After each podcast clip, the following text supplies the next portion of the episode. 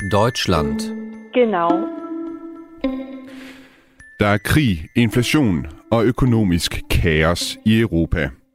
For et lille land som Danmark kan det i sådan en situation være godt at være gode venner med Europas store stater. Eksempelvis Tyskland, som nok er vores vigtigste partner. Men herhjemme, der halter det gevaldigt med tyskundervisningen, og det kunne også gå langt bedre med at sælge varer til Sydtyskland.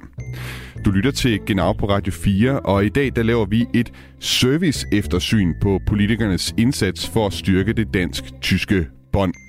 Senere der tager vi også debatten med Socialdemokratiets EU-ordfører Jens Jol og Venstres udenrigsordfører Michael Åstrup Jensen. Du kan som altid sms ind undervejs med dine kommentarer og spørgsmål. Også gerne kommentarer og spørgsmål til de to politikere, jeg skal have med i dag, ved at skrive ind til nummeret 1424. Skriv også gerne, hvad du hedder og hvorfra i landet du sender din sms. Mit navn er Thomas Schumann. Velkommen til Genau. Genau. Genau. Genau. Genau.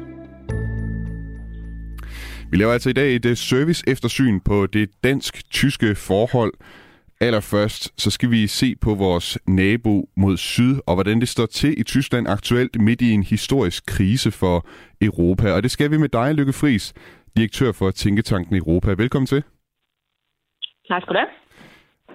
Nu står vi i en øh, meget, meget svær situation i øh, Europa. Der er meget, der forandrer sig på øh, i løbet af det seneste års tid. Er Tyskland stadig øh, Danmarks måske vigtigste partner i en tid, hvor der er krig, inflation og økonomisk kaos i Europa? Ja, det vil jeg klart mene, øh, når man ser på Tysklands økonomi, men også når man ser på Tysklands vigtige rolle for, at EU kan komme igennem den her krise. Om det så er energikrisen, inflation eller forhold til Rusland, så er Tyskland bare som det største land. Det land, som, som altid er det, det land, man skal, man skal pejle efter. Men at det så er sagt, så er det jo en ny situation, som vi alle sammen skal vende os til, fordi de tidligere kriser, som vi har haft, lad os bare tage finanskrisen, eurokrisen, flygtningekrisen, coronakrisen, jamen der var det sådan, at, at der var det Tyskland, der var lederen. Det var Tyskland, man kiggede på, som prøvede på at finde de her fælles løsninger.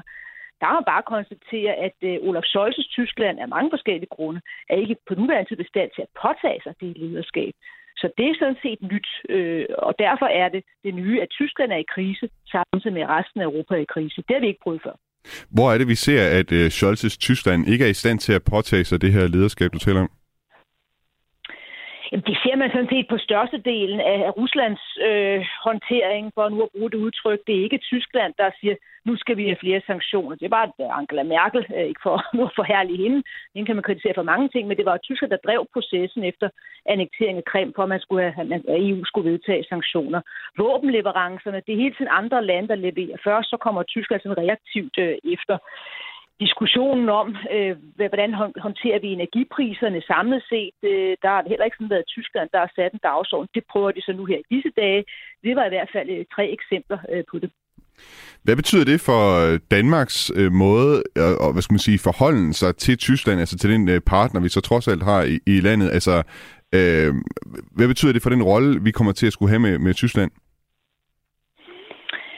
Jamen, det betyder, at man skal være mere opmærksom på Tysklands indrigspolitiske problemer, end vi måske har været før. Der har det været et at jo, men Tyskland måtte jo i sidste instans tage en forholdet, øh, og så komme med den, øh, med, med, det, med, det, med, det, med den lederrolle, så at sige. Og det var alt lige fra under coronakrisen, og så må Tyskland jo så acceptere at købe vacciner ind i fællesskab, og også acceptere, at der skulle være en stor genopretningsfond der er det altså nu en anden tid. Det er svært for Olaf Scholz i, i den her trepartisregering, han er med i. Det er også svært for Tyskland, og der også er den økonomiske krise, de nu også står overfor. Derfor skal man være mere opmærksom på den indrigspolitiske situation. Ellers kan man godt øh, gå lidt galt af, hvor tyskerne bevæger sig hen. Apropos det, så så jeg, Lykke Friis, du, øh, du tweetede her til morgen, øh, fra en øh, meningsmåling om, om tyskernes øh, indstilling til, om Tyskland skal påtage sig en militær lederrolle i øh, Tyskland. Der var det 68 procent af tyskerne, der sagde, at de vil helst ikke påtage sig den her rolle. Og du skrev i dit tweet, at det viser, at tyskerne altså helst vil bo i et, et stort øh, Schweiz. Øh, man, man kan sige, det, det, ud, det udtrykker vel meget godt, hvad skal man sige, øh, noget af det, man måske også skal være opmærksom på øh, i forhold til indrigspolitikken i Tyskland, øh, når man kigger på Tyskland fra den side. Øh, fordi det kan godt være, at Olaf Scholz egentlig, når det kommer til stykket, godt ville påtage sig en større rolle. Også han er jo også en af dem, der så også kommer med nogle, nogle klare betragtninger. For eksempel har han jo sagt, og det er da også interessant at høre, hvad, hvad, hvad man mener om det i Danmark på et tidspunkt, at man kan sådan ikke optage øh, Ukraine og, øh, uden at ændre på EU's institutioner og spillereglerne. Altså, man kan have et EU 36, der kører videre med de nuværende regler. Der kommer han jo med nogle meget klare hvad skal vi sige, meldinger, hvorimod den debat er vi ikke rigtig helt kommet til i, i Danmark endnu. Men altså, når man ser på befolkningen, jamen, så er det jo noget, der begrænser øh, Olaf Scholz, begrænser den tyske regering. Fordi selvom der nu har været krig i et godt stykke tid, en angrebskrig, og selvom man, man har også hørt Olaf Scholz komme med sin Titanvendte tale, så rykker målingerne sig altså ikke. Det er ikke sådan, at den tyske befolkning siger, ja, vi bliver nødt til at påtage os et større ansvar. Og det tror jeg, vi skal være meget opmærksom på. Det kan jo altså også skabe, og det gør det allerede, stor frustration og spændinger internt i Europa, fordi især de centrale og østeuropæiske lande kigger over på tyskerne og siger, kom nu, nu bliver jeg altså nødt til at gøre noget mere. Og der tror jeg noget, vi i Danmark også skal vende os til, det er, at vi skal simpelthen stadigvæk blive bedre til at forstå, at der er altså forskel på det gamle øh, Østtyskland og det gamle øh, Vesttyskland. Når man ser på målingerne, så er der altså en klar tendens til, at, at østtyskerne simpelthen er mere... Øh, sympatisk indstillet ting, man kan bruge sin udtryk, med. det kan man altså over for Rusland. Altså, der er simpelthen noget med, at de synes stadigvæk, ah, men er det ikke noget med amerikanerne også er skyld i den her krig, og er det nu kun russerne? Og der skal vi jo tilbage til hele deres øh, oplevelse så under, under den kolde krig, øh, hvor de har sådan en slags Ruslands kompleks, at, at det lige før, de sådan har lidt forelsket sig i, i, deres, øh, i deres fangevogter, det vil sige i, i daværende Sovjetunionen. Og det kommer også til at præge det nye Tyskland. Der ser vi spændingerne allerede nu. Lykke Friis, jeg har jo senere i programmet to folketingspolitikere med. Jeg kunne godt tænke mig at høre fra din stol som direktør for Tænketanken Europa. Hvordan så du så gerne, at de danske politikere, de fremover, øh, hvad de skal gøre i forhold til at styrke de dansk-tyske bånd? Ja, det er jo nok ikke kommet bag på nogen. Jeg, jeg mener, man bliver nødt til at styrke tyskkundskaberne, fordi hvis hele pointen er, at Tyskland stadig vil spille en stor rolle, men at det vil blive vanskeligt sådan, at pejle efter, hvor, hvor er det på vej hen, fordi indrigspolitiske, indrigspolitiske situation er blevet, en anden, er blevet en anden, jamen så bliver man jo nødt til så også i højere grad at forstå det, og for at forstå det, så bliver man altså have styrket vores overordnede øh, tyskkundskaber. Lykke Friis, øh, tak fordi du var med i Genau i dag. Det var så lidt. God, altså, godt. Tak, Dankeschön. Altså direktør for Tænketanken Europa.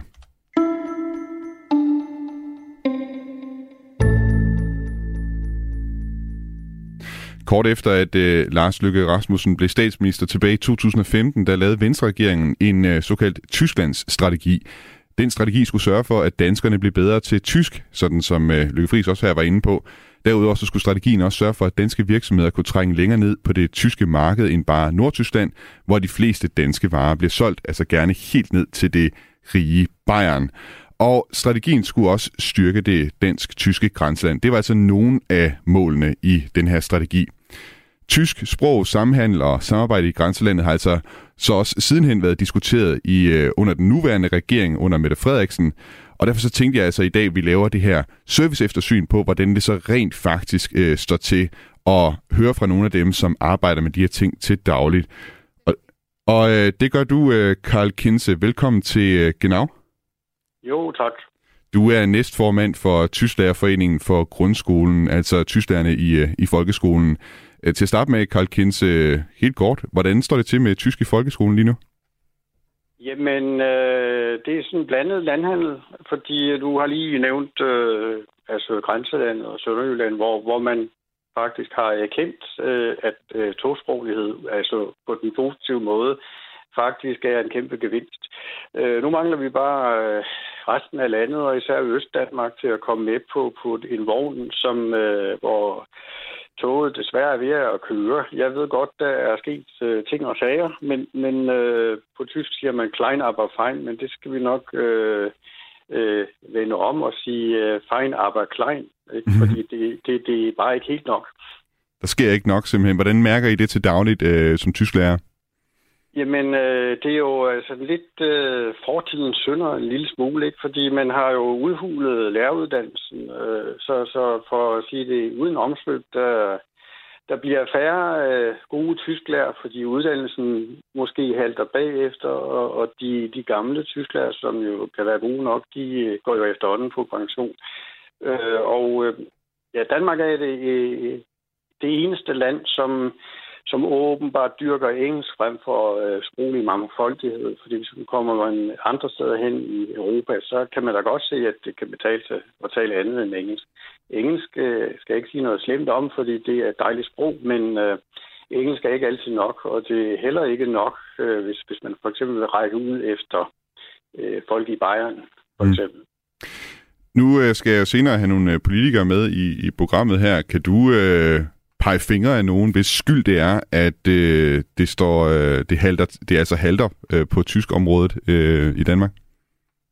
Jamen, det er svært at, øh, at tildele et enkelt parti eller øh, nogle enkelte personer en skyld i den her sag, øh, fordi det er bagvedliggende øh, hvad hedder det, ja, beslutninger, der, ja, må, må regnes for at være et fælles ansvar, som, som er gået galt. Altså, for eksempel har man øh, jo nedprioriteret øh, tysklæreruddannelsen øh, på, på professionshøjskolerne, man har gjort andre ting.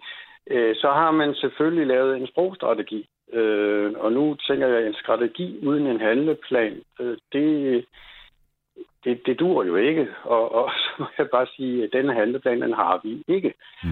Og, og så ved jeg godt, at jeg givet øh, penge til et glimrende nationalt sprogcenter for fremmedsprog, ikke?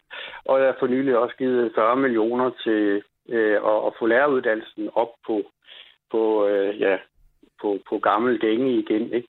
Men igen, øh, det kan jo desværre ikke afbøde for, at man i mange år har misligeholdt øh, den øh, gode forpligtelse, der ligger i at kunne godt tysk. Det har vi altid kunnet i Danmark i mange år, indtil vi selvfølgelig ikke blev særlig glade for, for, for tyskernes øh, øh, hvad skal vi sige, besøg der i 40'erne, men, men, men øh, nu er vi altså i en anden tid, og øh, dansk øh, og tysk er så tæt på hinanden, øh, og øh, hvis, hvis man ellers har de kompetente lærere, så, mm-hmm. så vil det være nemt for danskerne at lære tysk ja. på en bedre måde.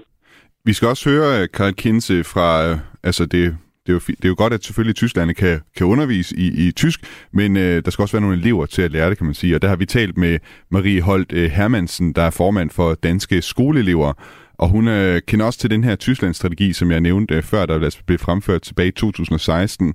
Og jeg, spurgte hende, eller min kollega øh, Lasse Lindholm øh, spurgte hende, om øh, tyskfaget er blevet bedre siden da.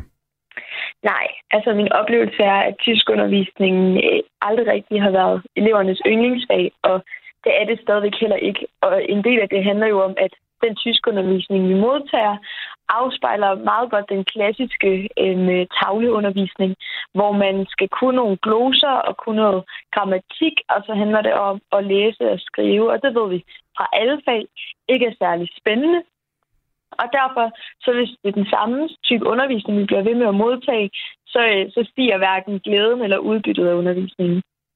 Ja, Marie Holt øh, Hermansen her, formand for Danske Skoleelever, hun siger, at det er ikke ligefrem elevernes øh, yndlingsfag.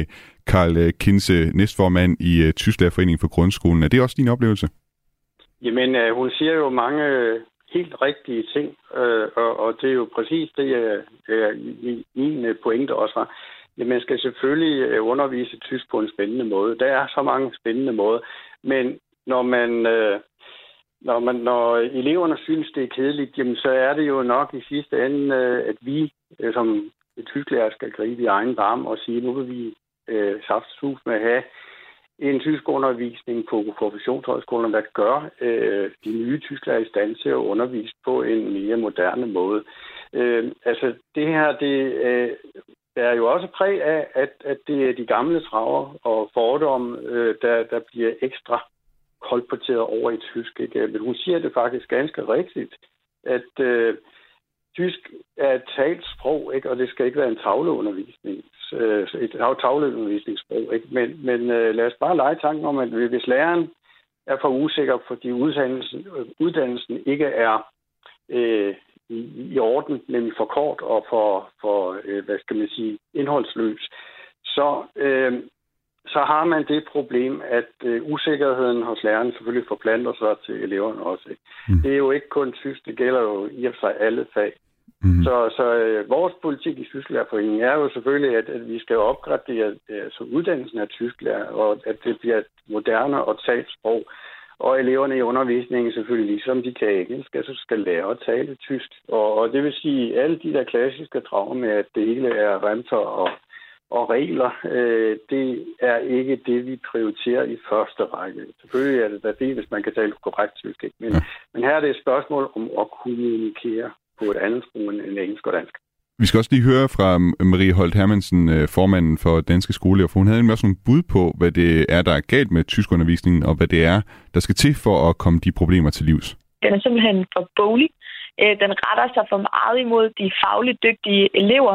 Nu er det jo engang sådan, at tyskundervisningen indeholder mange andre ting end bare det at kunne læse og skrive tysk. Det handler jo også om at kunne netop forstå tysk kultur og kunne anvende tysk i sin hverdag. Og det her med, at man får indlært det på nogle sjove måder, altså man arbejder projektorienteret med tyskundervisningen for eksempel, eller at man sørger for at få noget bevægelse ind i undervisningen, få lavet noget ordentligt gruppearbejde og noget ordentligt virksomhedssamarbejde. Vi snakker meget om åben virksomhed, og der, når nu at hele formålet med tyskundervisning er også at skabe et stærkt bånd til Tyskland og give unge lyst til at gå i en retning, hvor man skal samarbejde med Tyskland, så er det jo meget åbenlyst, at man også samarbejder med nogle virksomheder. Og det tror jeg 100% vil være med til at gøre, at man får en øget motivation på undervisningen.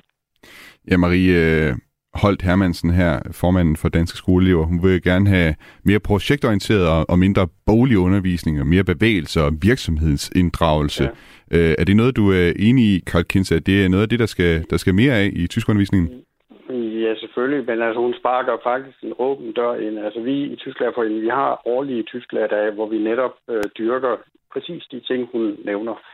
Øh, og øh, jeg kan jo sige, at øh, hun siger de, de rigtige ting. Jeg kan håbe, jeg kan, kan vide, om politikerne lytter til de her ting, fordi det er så åbenlyst, at det selvfølgelig er det, der skal til. Nu kender jeg i min omgangskreds, i min forening, talrige tysklærer, der netop gør det, der efteruddanner sig og netop gør de der ting. Så øh, man, man skal jo ikke skære tysk undervisning over en kamp, fordi øh, man kan sikkert finde de værst tænkelige, kedelige tysktimer, og så kan man finde det stik modsatte.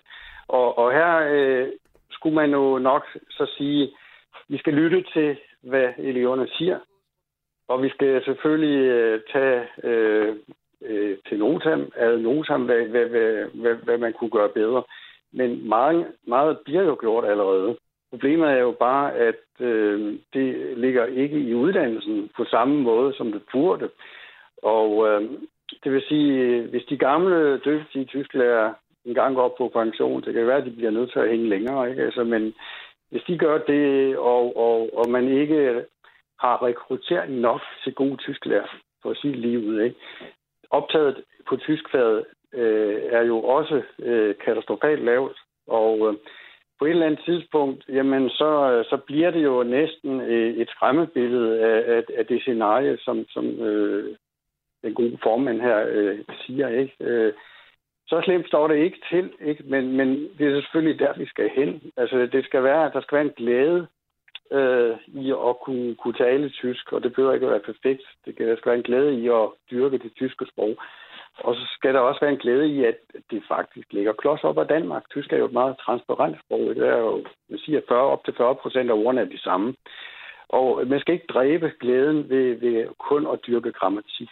Øh, det er også derfor, at øh, vi dyrker det, der hedder chunks. Altså man lærer faste begreber frem for at sige, at det styrer dativ på, når man bruger det og det. Det er jo ikke nødvendigt øh, i første omgang. Vi har altid brug for nogen, der bliver perfekte til tysk, men at alle skal kunne kommunikere på tysk nogenlunde på samme niveau som, som på, på engelsk, det, det er jo sådan lidt en drøm. Og så siger hun også, det er rigtigt, man dyrker de, de dygtige elever. Og det skal man jo nok øh, under alle omstændigheder holde sig fra som folkeskolelærer, men man skal jo altså differentiere undervisningen. Det skal man også i tysk. Altså selv øh, har jeg jo bare øh, eller fået den idé, at man skal lade andre fag flytte ind i tysk, så man netop kan lave projekter om tyske partier, tysk musik, tysk kultur. Det er der mange, skal jeg så hilse at sige, at mine kolleger, der allerede gør. Så øh, så er der også det, man kan kalde et øh, deutsch gefælde. Det betyder, at øh, jo længere man kommer østover, altså på Sjælland, altså især København, jo, jo mere hører man gamle traver af fordomme. Ikke? Hvis man kommer til, til, til Jylland, 10 steder, så er, er, har pipen jo en helt anden lyd. Så øh, vi, vi skal simpelthen ligesom have Øst-Danmark med øh, på vognen også, og øh, lige for nyligt har der altså været øh, kontakter til det tyske forbundsland Mecklenburg-Vorpommern, som jo ligger lige syd for øh, Lolland Falster, og der skal komme et kæmpe regionalt samarbejde op og stå, og øh, ja, der skal skruet også med, ikke? Jeg kunne godt tænke mig at høre, Karl Kinse, hvad, hvad kunne ellers øh, være nogle af de ting, der, der, der kunne hjælpe, som jeg kan tage med til øh, de politikere, jeg skal tale med her om inden så længe, øh, som de kunne forholde sig til? Ja, vi mangler måske tre nuller på øh, de bevillinger, de så praler med nærmest, de har givet.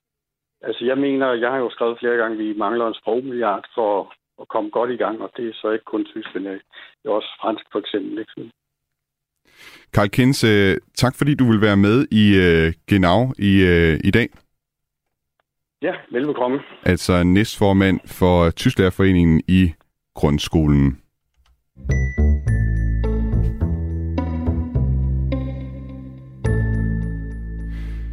Et andet område, hvor danske politikere gerne har vil styrke de dansk-tyske bånd, det er i forhold til at handle med Tyskland. Og her der forholder det sig sådan, at de fleste danske virksomheder sjældent når meget længere ind til den nordlige del af Tyskland, mens øh, danske virksomheder de har noget sværere ved at trænge ned i eksempelvis øh, Bayern og Baden-Württemberg i Sydtyskland. Det var en af de ting, som øh, Tysklands strategien fra 2016 skulle hjælpe, hjælpe til med. Michael Kæmpe, velkommen til Genau. Du, du, øh, jeg tror, vi mistede forbindelsen her til Michael Kæmpe igen, øh, som ellers er direktør for Hormann øh, GmbH øh, i øh, München, og som er et af de selskaber, som faktisk er lykkedes med at komme øh, ned til, til Sydtyskland. Han ville selvfølgelig gerne lige have haft med øh, på forbindelsen her, mens, men, men øh, mens vi venter på, at han måske kommer tilbage her, så kan vi lige høre fra Robert Pertz, som er... Er du med, Michael Kæmpe? Jeg er med. Du er med, fornemt. Øh, du er som sagt direktør for øh, Hormann GmbH i München. Vi havde lidt problemer med at få dig med på forbindelsen her, så nu er vi også øh, hvad skal man sige, gået lidt over den tid, vi havde regnet med at sætte af til det her. Det er jo noget, øh, vi har talt om, øh, Tysklandsstrategien her, øh, Michael, som danske politikere har haft et delt fokus på, gerne vil have danske virksomheder længere ned i, i, i Tyskland, gerne til Sydtyskland. Du er selv direktør for en virksomhed, der har været dernede. Du har selv været dernede siden 2014. Har du kunne mærke, at der har været en indsats i forhold til at, at få danske virksomheder ned i Sydtyskland? Jamen, for, for at bruge et godt tysk ord, så svarede jeg. Altså, der har jo været en, en masse tiltag på nogle områder, og så er der andre områder, hvor det er haltet. Øh, jeg har oplevet, at vi har været, altså Danmark, øh, regeringen, har været rigtig dygtige til at lave de her alliancer inden for nogle udvalgte områder. Vand, vind, energi, tech osv. Og så er der nok nogle andre brancher, der ikke har fået den samme støtte og hjælp, som, som dem, jeg netop lige har nævnt. Jeg skal jo lige om lidt have nogle øh, danske politikere, øh, folketingspolitikere med, som skal blandt andet forholde sig til det her. Øh, hvad vil være dit budskab i forhold til dem, hvad de skulle gøre for at hjælpe danske virksomheder med at slå igennem på, på det tyske marked? Ja, og altså, der vil jeg jo gerne tale i det sydtyske marked. Jeg synes jo, det er tankevækkende, at vi fortsat ikke eksporterer mere til Bayern og Baden-Württemberg lagt sammen, end vi gør til Slesvig-Holstein. Det er jo simpelthen ikke godt nok. Jeg tror, at de her SMV-virksomheder, øh, især altså de små og mellemstore virksomheder, der gerne vil etablere sig i Sydtyskland, står med rigtig mange af de samme udfordringer, hvor de har brug for hjælp. Øhm, der er et stort behov for dokumentation, når du gerne vil sælge varer til Sydtyskland. Det er svært at finde ud af byråkratiet, det er svært at forstå deres skattesystem. Altså har vi en masse virksomheder, som jeg tror på egentlig gerne vil eksportere mere til Sydtyskland, men det er bøvlet, det er svært, så man lader være. Jeg synes, der mangler et, et tiltag. Det kunne være et innovationscenter, det kunne være et eksporthus placeret i Sydtyskland, hvor man ligesom øh, bruger synergieffekter over for de her virksomheder, som gerne vil ind på markedet. Så at få afsat nogle penge til det, det synes jeg kunne være fantastisk. Og øh, den strategi, helt kort øh, her til sidst, Michael Kæmpe, vi har kun et minut tilbage. Den Tyskland-strategi, mm-hmm. der blev indført i 2016, har den hjulpet? Ja, det har den. Altså, jeg, jeg, jeg, jeg bo, har faktisk boet hernede øh, siden 2011. Øh, Hovmand har været her siden 2014. Jeg har kunnet mærke en forskel, at det er blevet et øh, generalkonsulat i München, i stedet for et, et, et, et øh, normalt øh, konsulat. Det virker mm. til, at der er kommet flere ressourcer. Det virker til, at der er flere tiltag. Mm.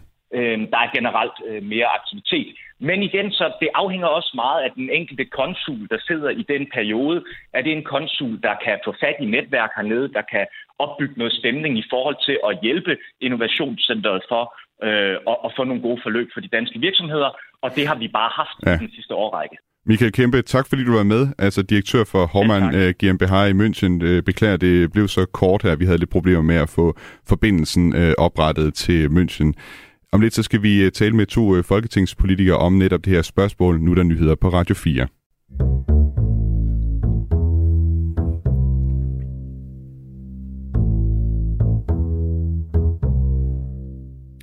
Tyskfaget halter gevaldigt efter, og det kunne gå meget bedre med at få danske virksomheder til at slå sig ned i Tyskland. Og så skal vi altså også til at se mere på tysk indrigspolitik, hvis vi skal stå, forstå vores nabo mod syd. Det er sådan hovedpointerne i det, vi nåede igennem i første halvdel af Genau i dag, og nu tager vi altså debatten med to folketingspolitikere. Og hvis du vil blande dig i den her debat, så vil jeg opfordre dig til at sende en sms ind på nummeret 1424. Skriv også gerne, øh, hvad du hedder og hvorfra i landet du sender din sms. Mit navn er Thomas Schumann. Velkommen til Genau. Jens Jol og Michael Åstrup Jensen, velkommen til Genau i dag. Jo, tak. Mange tak. Jens Jol er EU-ordfører for Socialdemokratiet, og vi har dig med på en øh, forbindelse øh, ude, fra, ude fra valgkampen. Og øh, vi har også Michael øh, Åstrup Jensen øh, med på en forbindelse fra vores studie i Aarhus. Og vi skal altså tale om øh, tyske sprog og samhandel med Tyskland, og hvilken partner tysk, Tyskland er i øh, Europa lige for tiden, og hvordan Danmark skal positionere sig i forhold til, til landet i den situation, vi står i nu med krise og inflation og, og økonomisk kaos i Europa. Og øh, til det kunne jeg faktisk godt tænke mig at spørge dig først, Jens Schul. Øh, I den situation, vi står i nu, er Tyskland da Danmarks vigtigste partner i den her tid? Altså, jeg tror ikke, vi kommer udenom øh, Tyskland som en vigtig part. Altså, det er jo svært at sammenligne, hvad USA, øh, Tyskland, altså til hvad. Men Tyskland er jo en af de absolut vigtigste partnere, og det har det sådan set været både før, men også under den, den nuværende krise. Det er jo en af de markeder, vi eksporterer mest til, det er vores nabo. Øh, det er et af de mægtigste lande i vores EU-samarbejde, som er det mest forpligtende internationale samarbejde, vi har. Så der er ingen tvivl om, at, at Tyskland spiller en kæmpe rolle. Og jeg, øh, jeg deler sådan set frustrationen, der også har været luftet i jeres i første del af programmet, om at, at, at der er for mange øh, af vores landsmænd, som ikke helt er klar over, hvor vigtigt uh, Tyskland egentlig er. Og jeg tror også først, det gik op for mig selv, da jeg, da jeg boede i Berlin og, og læste på universitetet dernede, og, og, og var der. Altså, og derfor så er det jo... Uh, så kan man sige, så kan man jo ikke bebrejde andre, at de heller ikke har opdaget det, men det understreger bare, hvorfor det er vigtigt at sætte ind allerede i, i skolen, kan man sige. Jeg vil også godt lige tænke mig at høre det fra dig, øh, Michael Ostrup Jensen, øh, dit bud på, øh, på det spørgsmål her. Danmark, eller undskyld, Tyskland, er det Danmarks vigtigste partner i en tid med krig, inflation og økonomisk kaos i Europa? Jeg vil i hvert fald sige, at det er en top 2, øh, og så kan man diskutere, om det er på det økonomiske eller sikkerhedsmæssigt, om USA så er lidt foran øh, i forhold til øh, Tyskland, men helt klart en af de i top 2. Vi så det også i forhold til gaslækagen og lignende, der er det jo tyskerne, vi samarbejder med, og i forhold til økonomien, der burde vi jo også øh, have Tyskland som nummer et. Det er det jo desværre ikke lige i øjeblikket øh, i forhold til handelspartner, men, øh, men der er det USA, der så er det. Så, så helt enig, altså Tyskland, det er en ufattelig vigtig partner for os, og burde faktisk være en endnu vigtigere partner end det er i dag. Nu må sige, en ting, der er blevet nævnt øh, flere omgange i det her program, øh, det er i forhold til tyskkundskaberne herhjemme, at øh, det halter øh, bagefter, det halter også bagefter i forhold til uddannelsen. Det var det, Karl Kinse, øh, næstformand i øh, Tysklærerforeningen, han var inde på, at det halter efter med uddannelsen af tysklærer. Det var for så vidt også det, øh, Lykke Friis, direktør for Tænketanken Europa, hun sagde, at man skal altså styrke tyskkundskaberne, så vi kan lære hvad skal man sige, mere om, hvad der foregår øh, nede i, i Tyskland, og dermed blive klogere på, hvad det er for en partner, vi har øh, dernede. Øh, vi har fået et par sms'er faktisk også, netop der handler om det her. Tommy fra Vestjylland, han skriver, man kan lære engelsk, og man terper tysk. Ikke så underligt, det ikke tiltrækker folk. Det er simpelthen en indgroet del af det danske sprog at hade tysk. Øh, det kan være, at vi lige skal tage den først i, i plenum, om det er også øh, sådan, at øh, folketingspolitikerne de ser på det, Michael Ostrup Jensen, at en indgroet del af det danske sprog er hadetysk. tysk. Nej, det, eller det bør det ikke være, men altså, jeg erkender gerne, at øh, jeg var heller ikke alt for glad for at, at lære tysk, øh, øh, da jeg gik i skole. Men, men, men vi kommer bare ikke udenom, at vi desværre bliver nødsaget til at opprioritere det tyske sprog. Og jeg tror desværre, at det er blevet sådan lidt Måske alligevel, når, når jeg tænker over det, blevet sådan lidt det der hadeobjekt, man har, for mange i hvert fald. Øh, det er engelsk, det er det, der er en del af vores kultur, det er det, vi ser film på, det er det, vi ser tv-serier på, det er det, internettet er meget af øh, på engelsk. Og tysk, det er sådan lidt det der sprog, som øh, er lidt svært grammatisk osv. Så, videre. så der er måske noget om snakken, men der bør vi jo bare holde fast i, at tysk, det kan man bare ikke komme udenom. Nu, øh, vi har faktisk også en sms mere her fra Inger, øh, der skriver, det allerstørste problem med tyskundervisning er og bliver, at de unge ikke gider at lære tysk. De finder ikke sproget interessant. Det bliver aldrig nogensinde et sprog, folk gerne vil lære. Det lader til at være lidt indgået blandt dem, som, som sms'er ind her, som jo endda lytter til Tysklands program, så det kan man jo undre sig over. Men øh, nu, øh, jeg vil gå ind, det var jo sådan, øh, Michael Ostrup Jensen, at det var under øh, Lars Lykkes mm. regering, altså det var under en venstre regering, at man indførte den her øh, Tysklandsstrategi, hvor man jo netop kiggede på, om øh, hvordan man vil styrke sproget. Men vi hører alligevel fra Karl Kinse, næstformand i, i Tysklandforeningen, at, at det har ikke rigtig rykket noget. Hvad, hvad er forklaringen på det? Jamen det er jo, at der er brug for at gøre endnu mere, og derfor gik vi jo faktisk også ud for, jeg tror det var halvanden år siden, øh, og sagde, at vi bliver nødsaget til at få lavet en Tysklandsstrategi version 2.0, øh, hvorpå at vi får sat endnu flere penge af øh, i forhold til tysk undervisning, øh, og, øh, og det er jo det, vi mener. Altså vi mener simpelthen, at ja, vi er kommet i gang. Øh, det er jo også det, jeg hørte i første halvdel af programmet, det der anerkendelse af, at man godt kan mærke, at der er sket noget, men nu bør vi altså gå videre, og, og det håber vi selvfølgelig, at regeringen lytter til. Jamen, den kan vi jo nemt stille videre Eller der kommer en ny regering jo. det, der er valgkamp i gang, kan man høre. Øh, og vi kan nemt stille det spørgsmål videre til øh, Jens øh, Jol fra Socialdemokratiet. Er det noget, I vil sætte flere penge af til, at, at, at der skal laves et løft af tyskundervisningen? Vi hørte også Karl Kinse være omkring, mm. at der skulle sættes flere penge af til det her. Jamen, vi har faktisk lige for en måned siden lavet en aftale om, om den nye læreruddannelse, øh, hvor I øh, blandt andet øh, tysk undervisning, og det her med at gøre det, kan man sige, også nemmere for dem, der bliver tysklærere, at få en del af deres uddannelse i udlandet, altså i et tysktalende land, simpelthen også fordi en del af det, og der er måske tilbage ved nogle af de lytter-sms'er, I har fået, ikke? altså en, en del af den der modstand mod det tyske sprog er fordommen om, at det er sådan lidt tørt og sådan noget, og det er jo klart, alle sprog er jo mest interessante, hvis man, om man så må sige, kan få øh, kulturen, hvis man kan få forståelsen for, for landet bag og befolkningen bag sproget øh, med. Og det er selvfølgelig klart, at det er meget nemmere øh, for en tysklærer, som også har opholdt sig og levet i et tysktalende land. Og derfor er det faktisk en vigtig del af det her opprioriteringen på læreruddannelsen, at man også ligesom skal have bedre muligheder for det, fordi så tager man ikke kun, om man så må sige, et sprog med ud af skolen, eller sin uddannelse for at skulle undervise i det, så har man også et, et kendskab til det land. Og det tror jeg i hvert fald, det var det, der galt for mig selv. At det var jo først, da jeg ligesom oplevede at leve i det tyske samfund og arbejde i Bruxelles, hvor jeg har, hvor jeg har været sekretærchef og rådgiver for, for Socialdemokraterne i Europaparlamentet, da jeg arbejdede sammen med tyskerne dernede, det var jo først der, det sådan gik op for mig, hvor meget forskel der egentlig er, fordi det er jo rigtigt, man kan godt klare sig i godsøjne på engelsk, men det er helt utroligt meget mere, man kommer ind under huden på folk, når man forstår øh, de øh, smalltalken, når man kender øh, og kan læse deres medier, når man ved, hvad det er, der foregår i landet. Så, så jeg tror sådan set, at det er, en, det er en vigtig del af det, og derfor øh, tror jeg også, det er rigtigt, når der bliver sagt, at det starter og slutter i folkeskolen, og derfor er jeg glad for, at vi har lavet den her i øvrigt bredt, også med Venstre, øhm, aftale om en, en ny læreruddannelse.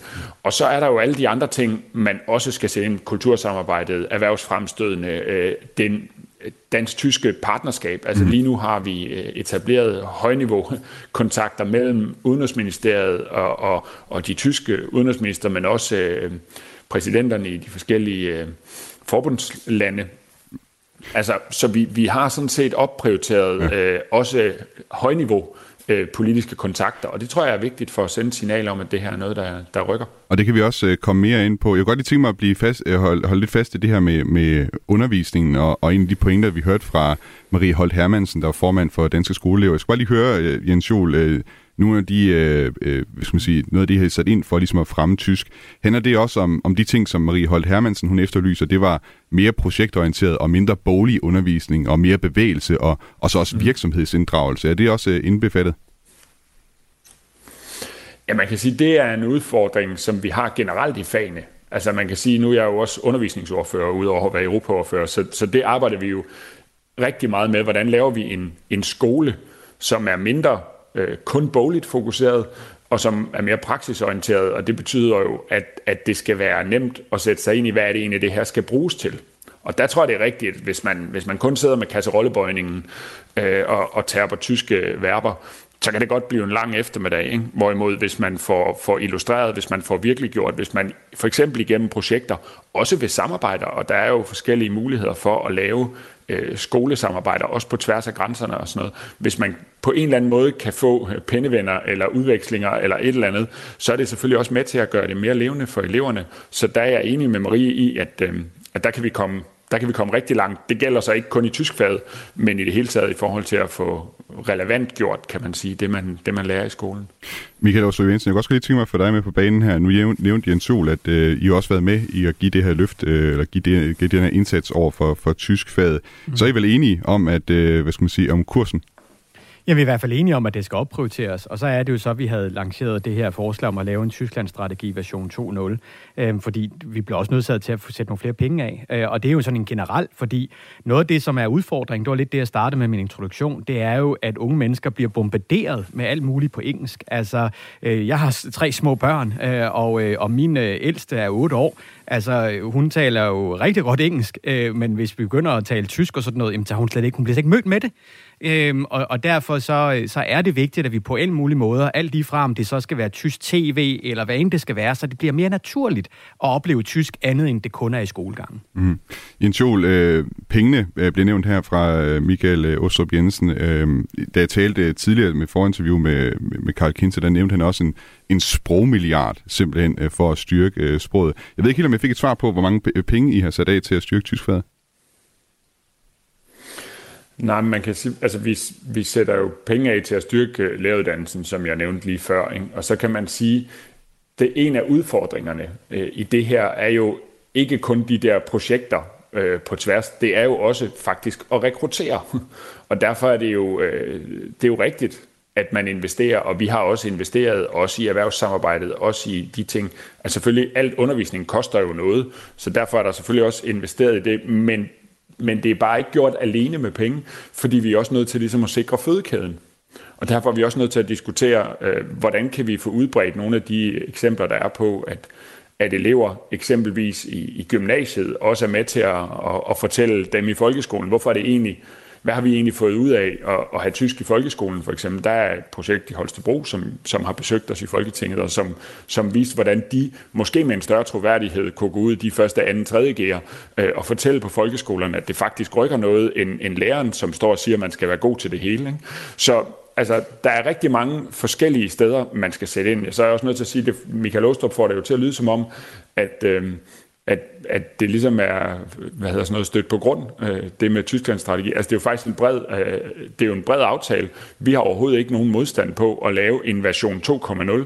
Vi har ikke så travlt med, om det hedder version 2.0, men der er jo blevet udbygget på erhvervssamarbejdet, på kultursamarbejdet, på uddannelsessamarbejdet, også efter regeringsskiftet. Og det er selvfølgelig det, der er øh, vores fokus at blive ved med at fylde på. Vi tror grundlæggende set, at den var god, den strategi, man lavede, men nej, der er jo ikke noget, som ikke skal videreudvikles og ikke skal, skal følges op. Må, må jeg ikke have lov til at sige jo, noget til det? Ja, før, før, før du får lov til at sige noget til det, Michael Åstrup Jensen, så vil jeg bare lige for lytternes skyld, så de ved, hvad det er, vi taler om, øh, informere om, om det, den diskussion, der også har været i Europaudvalget. Mm. Øh, for der har, det er jo noget, der er blevet dis- diskuteret i Europaudvalget, det her med, om der skulle indføres en ny øh, Tysklands øh, strategi. Der er blandt andet en beretning, man kan læse fra juni 2021, øh, hvor der netop står, at et, et flertal øh, øh, går ind for, at der skal udarbejdes en, en ny Tysklandsstrategi, og hvor der igen også bliver lagt vægt, øh, vægt på det her med tysk sprog, men også øh, øh, andre områder, og Socialdemokratiet i det i den del, der handler om Socialdemokratiet, i den beretning øh, ser ud til at være rimelig enige øh, om det.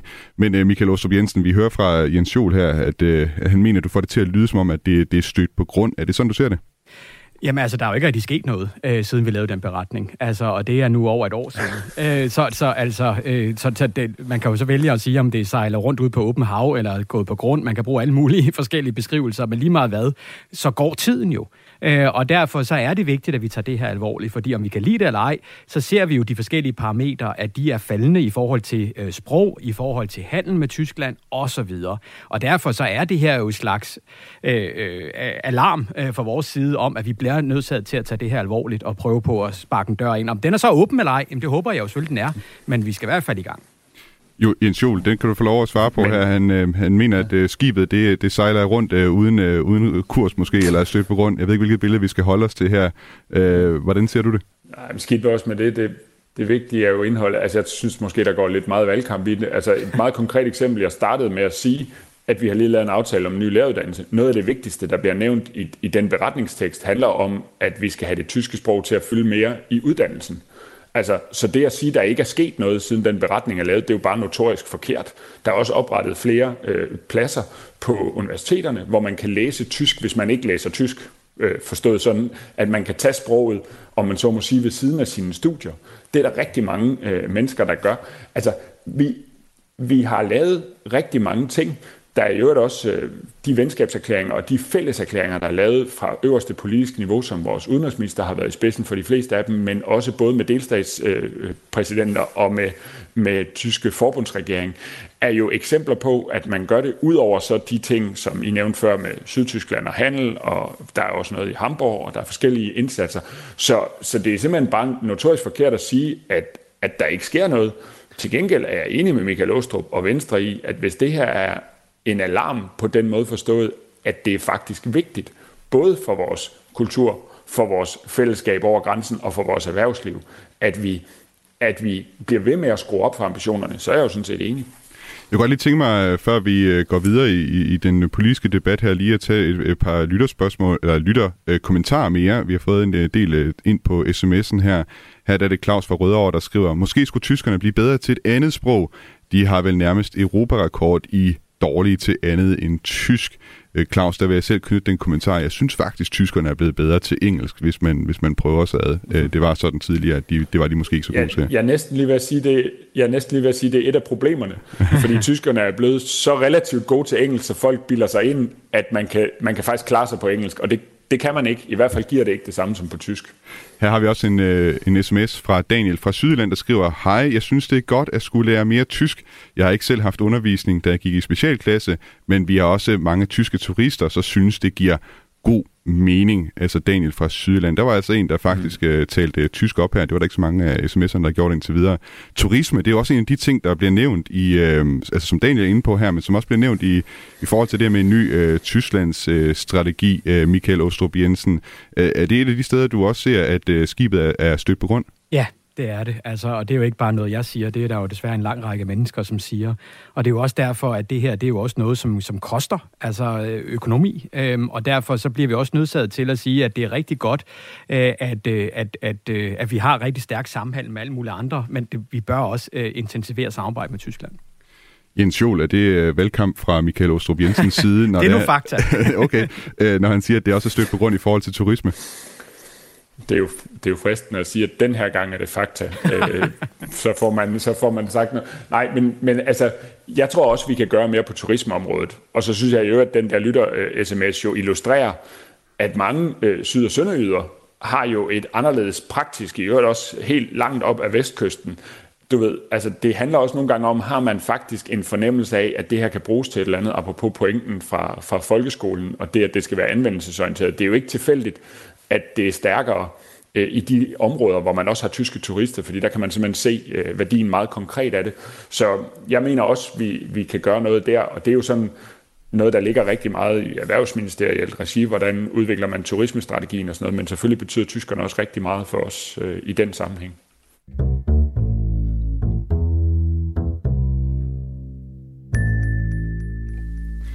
Tysklands øh, strategi for 2016, og det, som man også har diskuteret i Europaudvalget, det havde også øh, et fokus, der handler om øh, øh, samhandel med Tyskland, og, øh, og i første halvdel, det er noget, vi ikke har hørt alle de klip, som, som øh, vi havde faktisk øh, lavet. Øh, jeg havde blandt andet talt med Robert Pertz, som er Tysklands direktør i Dansk Industri, og den kan vi jo så tage øh, her med jer, så I kan få lov at reagere på det. Øh, Robert Pertz, øh, vi talte med ham om, øh, hvorvidt han mener, at Tysklandsstrategien fra 2016 har slået fejl. Lad os lige prøve at høre, hvad han sagde til det. Jeg tror, at der har manglet nogle midler til øh, at, egentlig at gennemføre det her. Blandt andet var en af målsætningerne jo, at der skulle sættes et særligt fokus øh, på at lette adgangen øh, for de danske virksomheder til tyske virksomhedsnetværk og de store industrikoncerner, som ligger i øh, Sydtyskland. Og øh, man kan så sige, at øh, selvfølgelig har det kostet noget at opgradere til generalkonsulat, øh, og man har afsat 10 millioner ekstra til erhvervsrådgivning. Men det er jo så spørgsmålet om de 10 millioner faktisk øh, er rigeligt, når ambitionerne er i milliardklassen. Så input-output, det er, det er det, jeg gerne vil angribe her. Ja.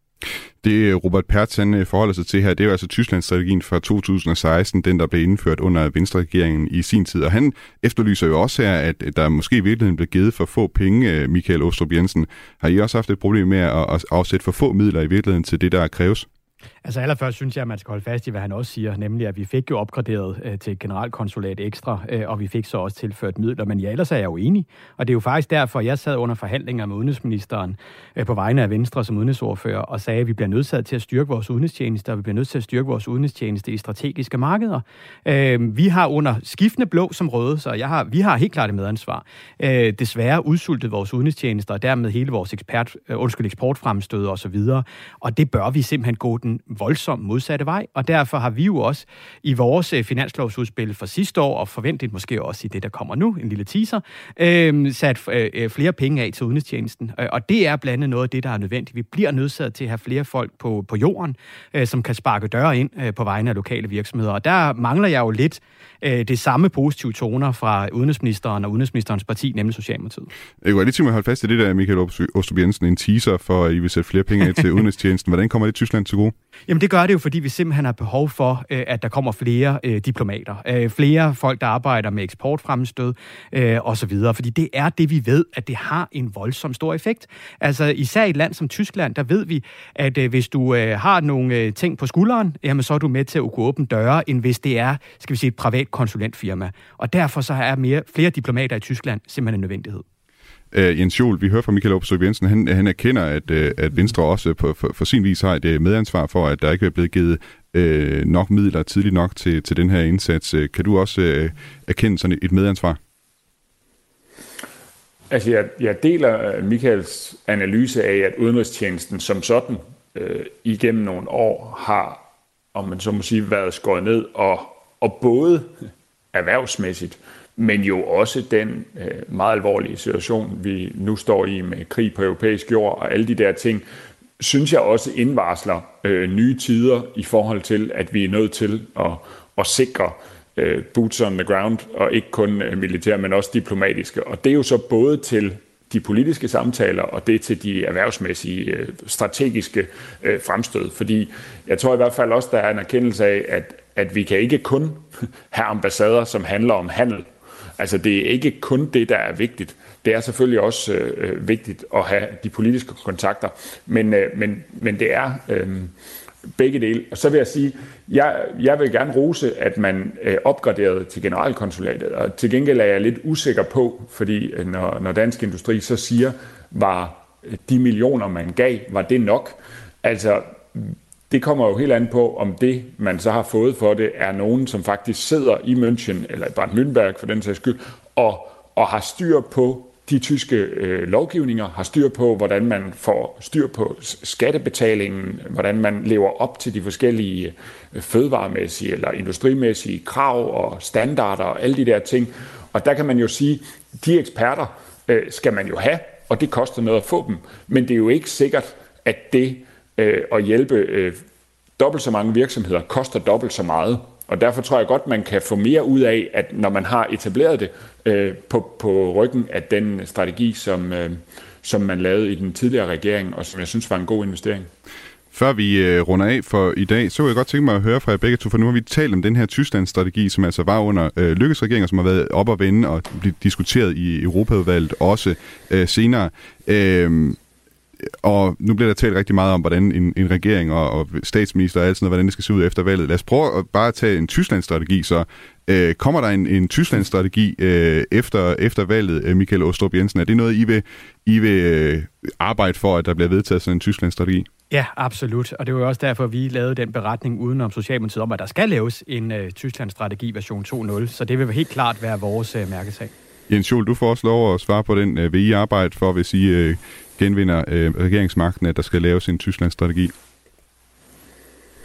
Jamen, vi skal da videreudbygge og, og styrke og udvikle den Tyskland-strategi, vi har. Vi har ikke behov for at lave en ny, men vi har i den grad behov for at opdatere den og udvide den og videreudbygge den. Det er ikke vores behov, øh, at den gamle skal forsvinde. Og jeg synes, det er sådan lidt en strid om ord, men at vi skal opgradere indsatsen i forhold til Tyskland, det kommer vi ikke op at skændes om. Heller ikke i en, en ny verden, altså en ny verdensorden, hvor Europa ser grundlæggende anderledes ud, der er ikke behov for at opdatere den? Nå, jo, men, det, men man kan jo godt have, altså, det, det er jo fordi, det vi mener, og det vi har gjort på øh, sprogundervisning, på erhvervsfremstød, skal man videreudvikle det? Ja, det skal man. Mm. Så kan det sagtens være, at den nye sikkerhedspolitiske situation, vi har, betyder, at der skal et nyt kapitel for os til strategien. Så vi har overhovedet ikke nogen problemer med at lave en, en ny strategi. Øh, det, det er lidt en strid om ord, hvorvidt den er ny, eller hvorvidt det er en ny version af den gamle. Men øh, det var sådan set et udmærket udgangspunkt, man lavede i den tidligere V-regering. Det er det, vi har videreført, mens vi har været i regering.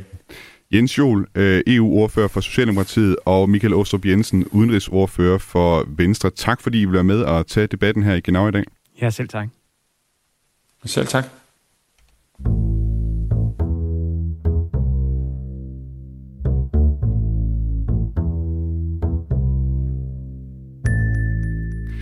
Du har lyttet til Genau på Radio 4, som er tilrettelagt af Lasse Lindholm, redaktør af Dorte Lind. Mit navn er Thomas Schumann. Hvis du kan lide Genau, så vil jeg anbefale dig at downloade Radio 4's app og trykke på Følg ud for Genau, så får du alle episoder. Og øh, du kan også altid øh, skrive ind til mig på øh, vores mailadresse. Det er genau-radio4.dk. Der kan du skrive ind med ris, ros, kommentar eller forslag til udsendelser, vi skal lave. Tak fordi du lyttede med i dag. Auf Wiederhören.